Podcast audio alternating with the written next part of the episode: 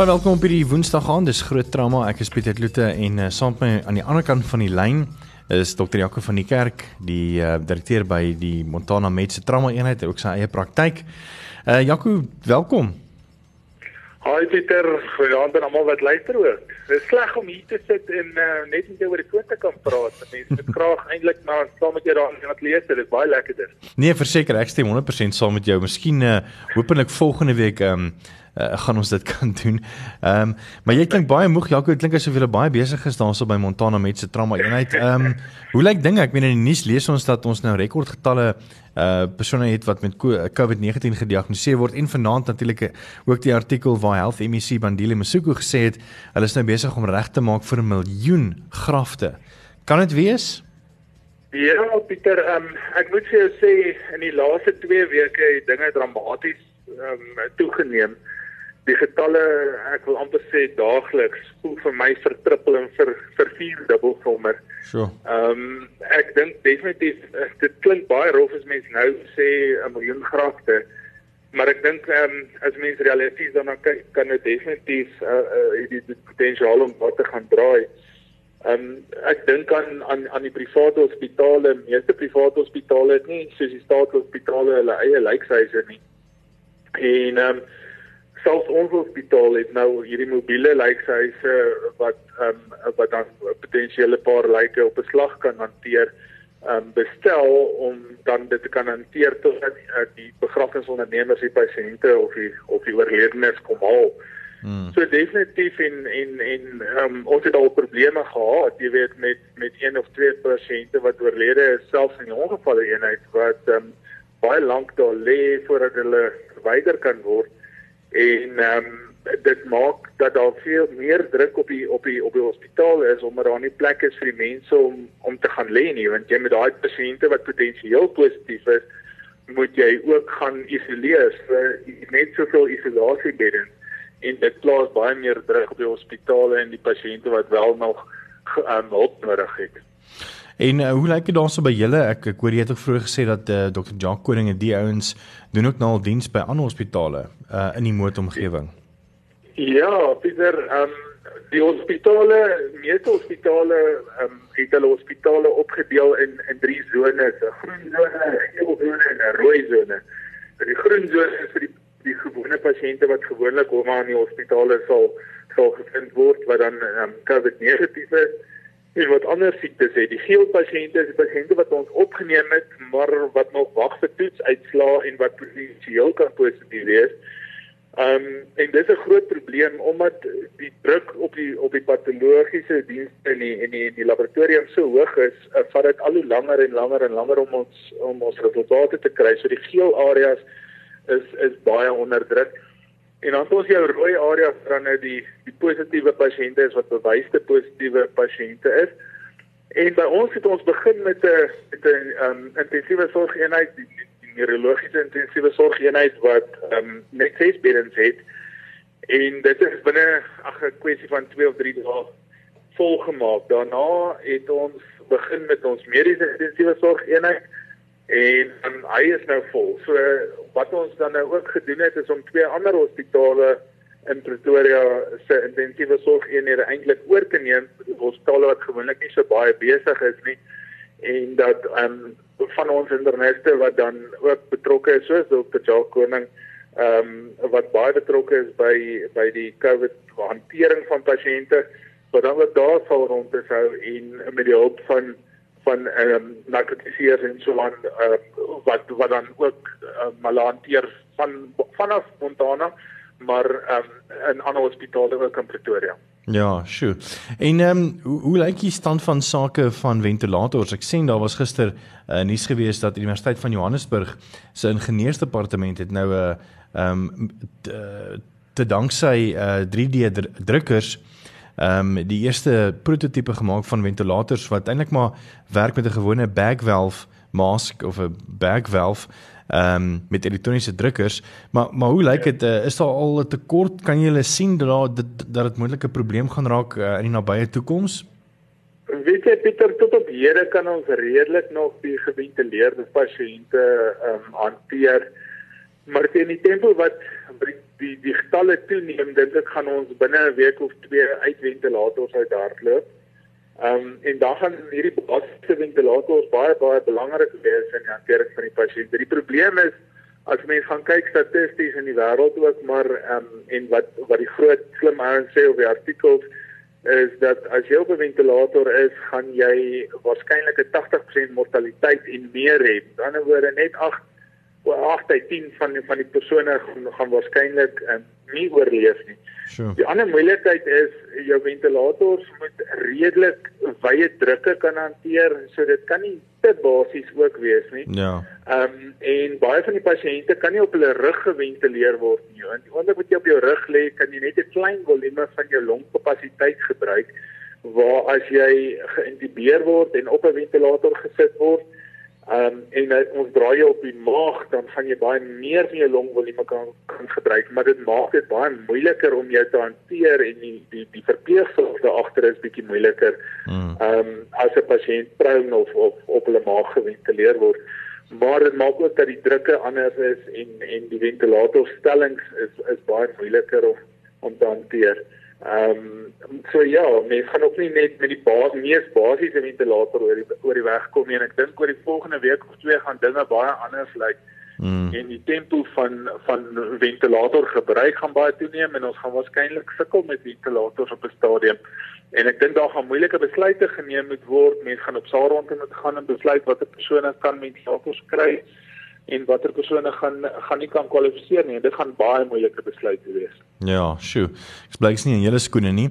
En dan ehm um, hoe lyk dit met uh, gewone trauma sake? Ek meen uh ouens wat miskien ook net 'n motorongelukke is en die meer.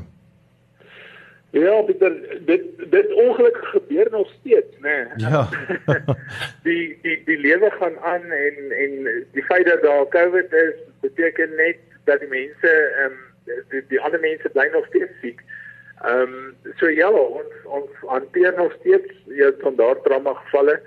Die probleem egter ook daar is dat dit so moeilik as 'n persoon inkom en waarskynlik dan 'n teater nodig het.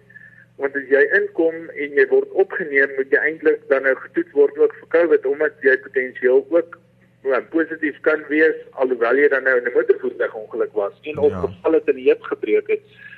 So elke hospitaal ehm um, het ander reëlings, maar by ons werk dit so dat ons een van ons teaters is is 'n dedicated of 'n toegewyde COVID teater en ehm um, jy moet heeltemal dan die pasiënt in isolasie inbring. Jy moet spesiale pakke aantrek um, voordat jy die pasiënt kan opereer en jy kan net een pasiënt op 'n slag hanteer. Ehm um, wat dan ook verdere druk plaas op die gewone trauma pasiënte en partykeer eintlik dink ek pasiënte benadeel ten opsigte van hoe lank hulle moet wag voordat hulle hanteer kan word. So die mees belangrike noodgevalle uit die aard van die saak sal eers geopereer word. Ehm um, maar teaters is ook 'n probleem want jy kan nie al die teaters moontlik besmet met met die virus. Ja. En ehm um hoe lyk die getal van of die ehm um, beskikbaarheid van toetsuitslae ehm um, nou dat die gevalle van COVID-19 toeneem, uh van dit bietjie langer vir julle om uitslae te kry van julle eie laboratoriums en die meer? Dit vat baie baie langer. Ehm um, ons het op 'n stadium, ons het in die begin 4 tot 6 ure gewag ehm um, vir resultate van die laboratoriums af. Dit het geword 24 uur, dit het geword 48 uur, dit word 72 uur.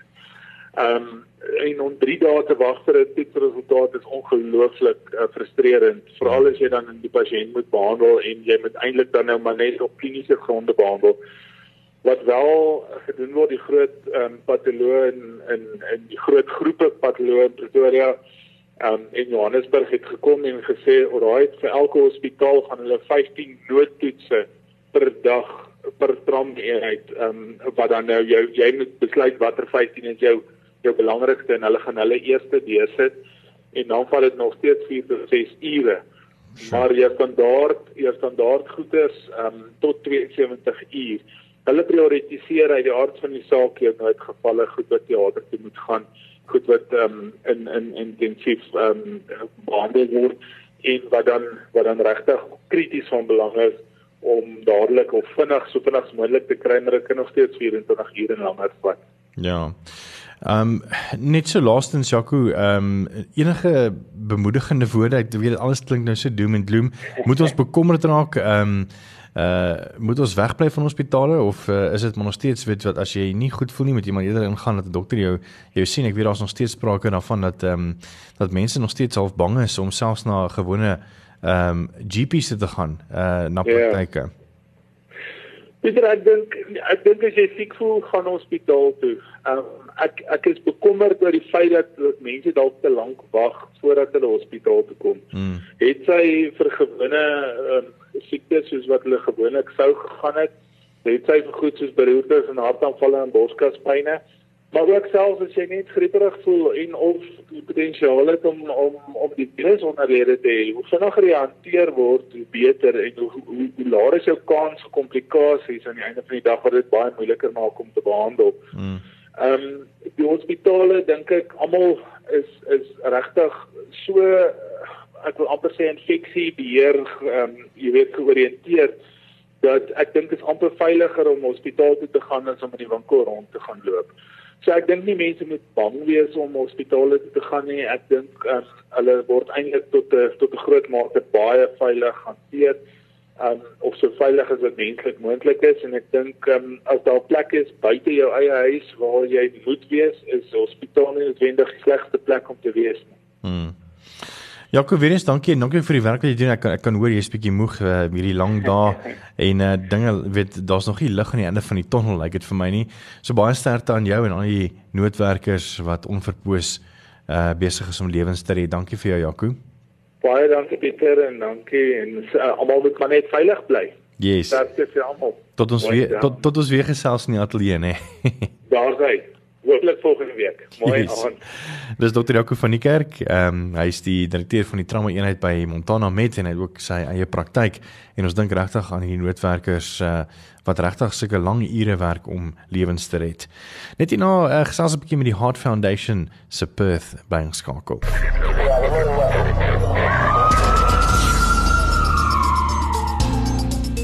Welkom terug. Dis groot trauma op hierdie klein Saterdag en ek is Pieter Kloete. Ek gesels 'n bietjie met Perch Kamp al die pad van die vriendelike stad af, uh, eh, PE. En uh, ek verwelkom haar Perch, baie welkom.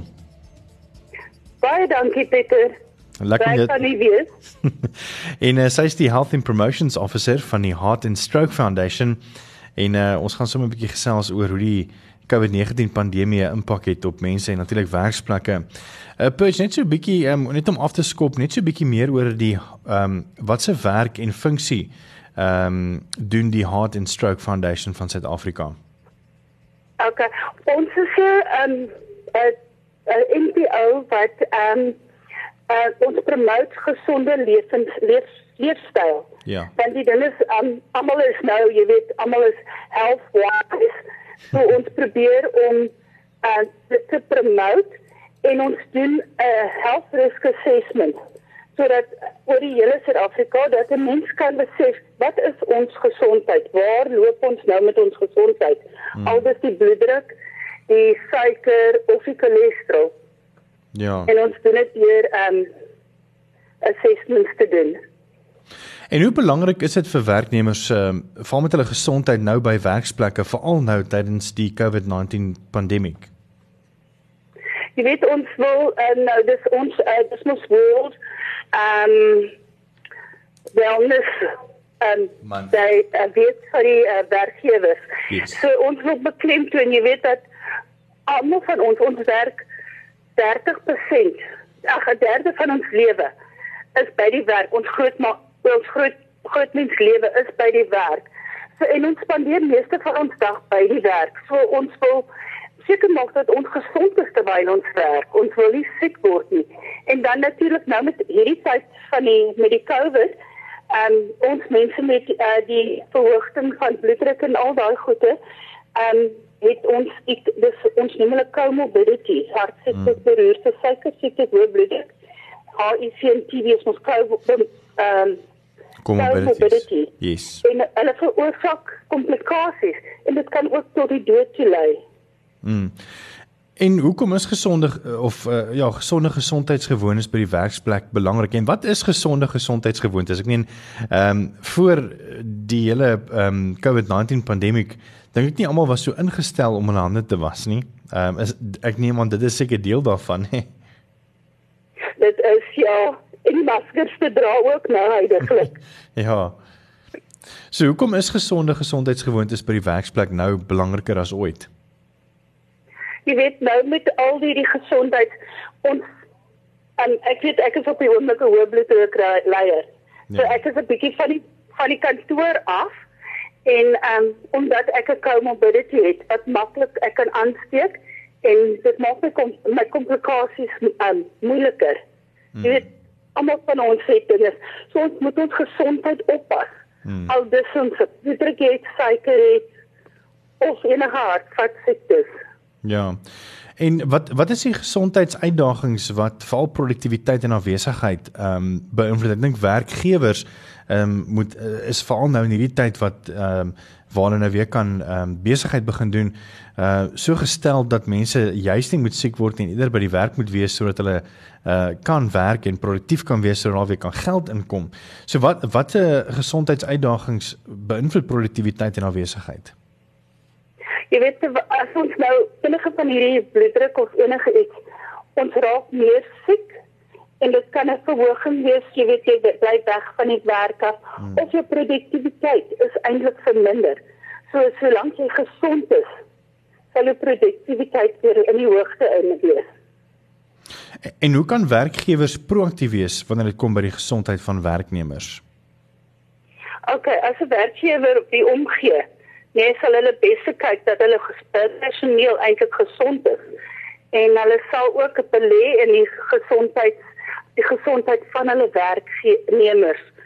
So dis so dit veroorsaak dat hulle goeie ehm um,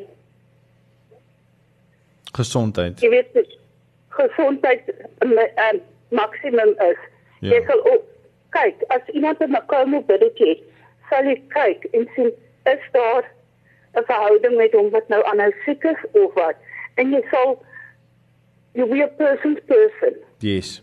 Verstaan jy en jy sal kyk dat jou personeel op hoogte is van hulle gesondheid. Net dat as hulle bietjie ongestel is, hoekom is hulle nou siek? Ja. En ook dit Ja, as jy sê en en ook die feit dat weet as as een personeel dit siek is, kan dit moontlik dan die ander personeellede ook beïnvloed. Uh dit, Dit is so ja. En uh, van ons jy weet ons dink nie daaraan nie. Nee, verseker. Perch, ek moet vir jou sê, jy kan meer as gemaklik voel as jy ook uh, graag in Engels wil praat so nou en dan want kyk ons weet jy is nou van die vriendelike stad af van julle Engels. Die vriendelike stad is mos meestal Engels. Nee. So so moet asseblief nie ehm um, uh worry as jy graag iets in Engels wil sê nie, hoor. Ons is net hier nou weer okay. terug en ek gesels met uh, Perch Cup, ehm um, sy is die Health Promotions Officer van die Heart and Stroke Foundation. As jy so tussen die breek gou van 'n bietjie wil gaan loer op hulle uh, webblad is heartfoundation.co.za.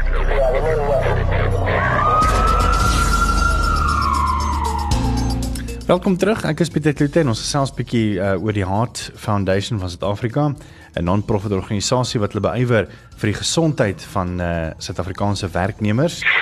En uh, saam met my aan die ateljee daar van die vriendelike stad af in Port Elizabeth is Perch Cup. Sy's die Health Promotions Officer en sy's half Engels en Afrikaans. So Perch kan regtig Afrikaans of Engels meng hier op hierdie stasie. Hoor, ons is nie so uh so eng met ons Afrikaans en Engels gemeng nie, hoor.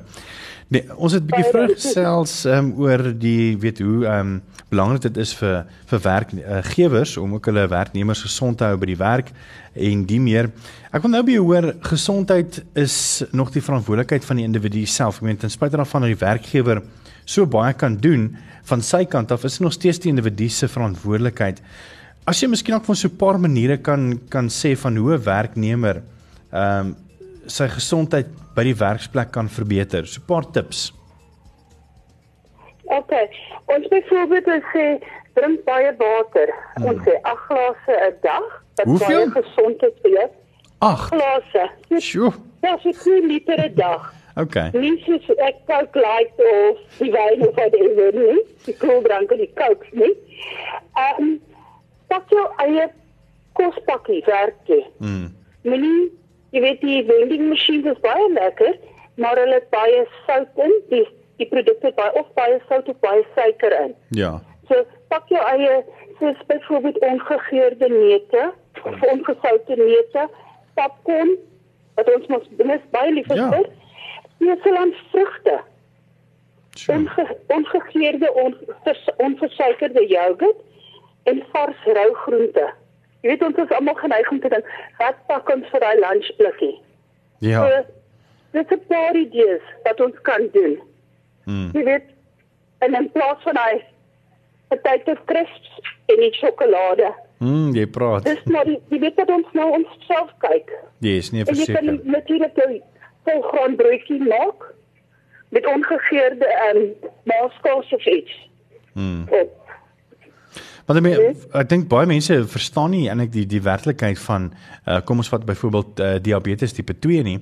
Uh, baie dink dit is 'n ou mens siekte, maar eintlik um, is daar gevalle wat uh, jong mense ook gediagnoseer word met tipe 2 diabetes, uh, selfs in 'n vroeë ouderdom um, van hulle lewe nie waar nie. Ek het al uh, jong mense in die ouderdom van vroeg 20 al Sure. met suikers van 25. Jo. Dis ongelooflik. Dit leefstyl want uh, byvoorbeeld 'n uh, student aan college. Alles maak jy kyk na 'n slaai aan hierdie kant en jy kyk aan hierdie kant is daar vetkoek of iets lekker wat in olie gebraai, slap chips byvoorbeeld. Yes. Nou, wat sal hulle nou kies om te eet? Um die vetkoek is sê 4 vir 5 rand en jou slaai is 10 rand. Wat sal jy kies? Mm. As jy dit nie kan bekostig nie, sal dit jy is mos na daai vetkoek gaan. So dis waar ons probeer om nou opleiding te doen. En vir mense sê, probeer om net vir jouself 'n slaaitjie te maak, saamwerk te. Jy weet, hou 'n bietjie van jou aandse kos oor ja. en geëet dit in die middagete.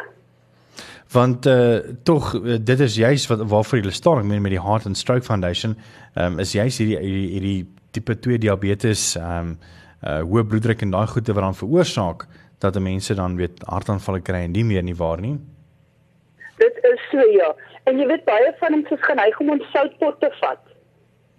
ja En daai soutpot word oorgegooi. Dit word nie mm, gelos aan die een kant. Die hulle sê moenie jou sout soutpot na jou tafel toe vat in die aande nie. Net die sout wat in jou kos gegooi is terwyl dit kook, sure moet jy gebruik. En dan ook um, omdat jy 'n MPO is uh, by die Heart Foundation.co.za doen jy natuurlik baie werk onder die gemeenskappe uh om hulle op te voed nie waar nie uh, wat is van die projekte wat jy wat jy behartig om mense op te voed in die gemeenskappe self OK, gewoonlik doen ons health risk assessments. Ons gaan na die malls toe en ons set kom, we set up camp en dan doen ons jy die hoë bloeddruk, die weeg en die meet. Jy weet die BMI wat Ja. dit is. Body mass index Um, die wat? Die- Hulle hulle dit mos die body mass index. Dis reg ja. Daar's hy. um, en jou suiker. So en dan gee ons vir jou parameters. As ons sien dit verhoog is, enige van daai goede verhoog is, so wys ons jou hulle na die naaste kliniek toe of na hulle eie dokter toe. Mm. Kyk, ons kan nie diagnoseer en sê dit is definitief hoë bloeddruk of dit is definitief suiker, want jy kon nog nou net geëet het want ons doen random uitslae. Ja, ja. Ons doen nie vas in die uitslae nie. En dan doen ons ook by um, in gemeenskapsale by kerkgroepe en dit doen ons praatjies. Oor gesondheid. te maak van hulle gesondheid. Ja. En Is dit spesiaal September maand kom ons nou na um, Heart Awareness Month. ja. En dit is baie belangrik want almal weet dan ons doen goedjies baie baie van die groepe be, uh, beplan ook soos um walks of jy weet sulke goedjies. Yes, vir vir bewus dat uh, 'n paar kranse dit dat dit bekend is dat dit deel is van jou hart Ja. om gesond te wees. Ehm um, Perch, waar kan mense 'n bietjie meer uitvind ehm um, oor gesond lewe en die meer op julle webblad, nê? Nee, heartfoundation.co.za. Dis reg ja. En is uh, daar's daar's ook 'n kontaknommer wat hulle kan skakel vir meer uh, inligting, nê? Nee? Ja, daar is ons kan Dana Govender is on, ons health options bestuurder. Sy is by 031 261 9055. So dis 031 261 9055. Dis reg, ja. Baie baie dankie vir jou tyd al die paar dae van die vriendelike stad in Port Elizabeth. Ehm um, en dankie ook vir die bydrae wat julle maak in die gemeenskappe om hulle op te voed vir 'n gesonder leefstyl en 'n meer gesonder Suid-Afrika. Uh ons waardeer jou uh baie. Okay, baie dankie Pieter dat julle ons genooi het. En hoop julle het 'n rustige aand verder. dankie, dit is Perch Cop en sy is die Health Promotions Officer van die Heart Foundation.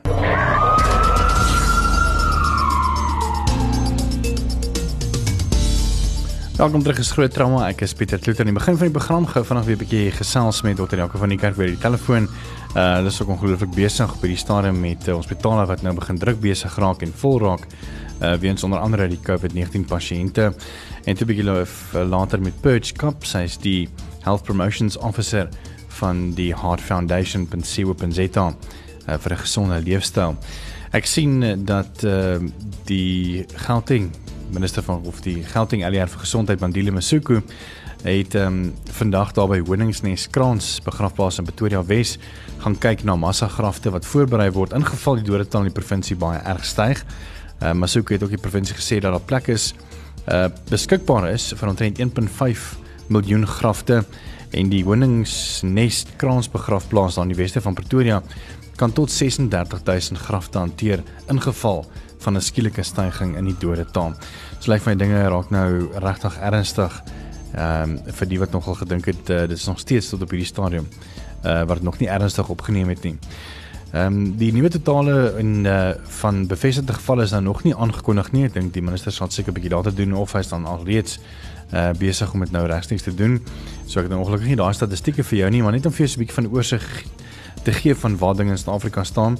Uh alreeds uh van gisterand af 2000 of aantal 215855 positiewe gevalle van COVID-19 in Suid-Afrika en dat alreeds 102299 herstel.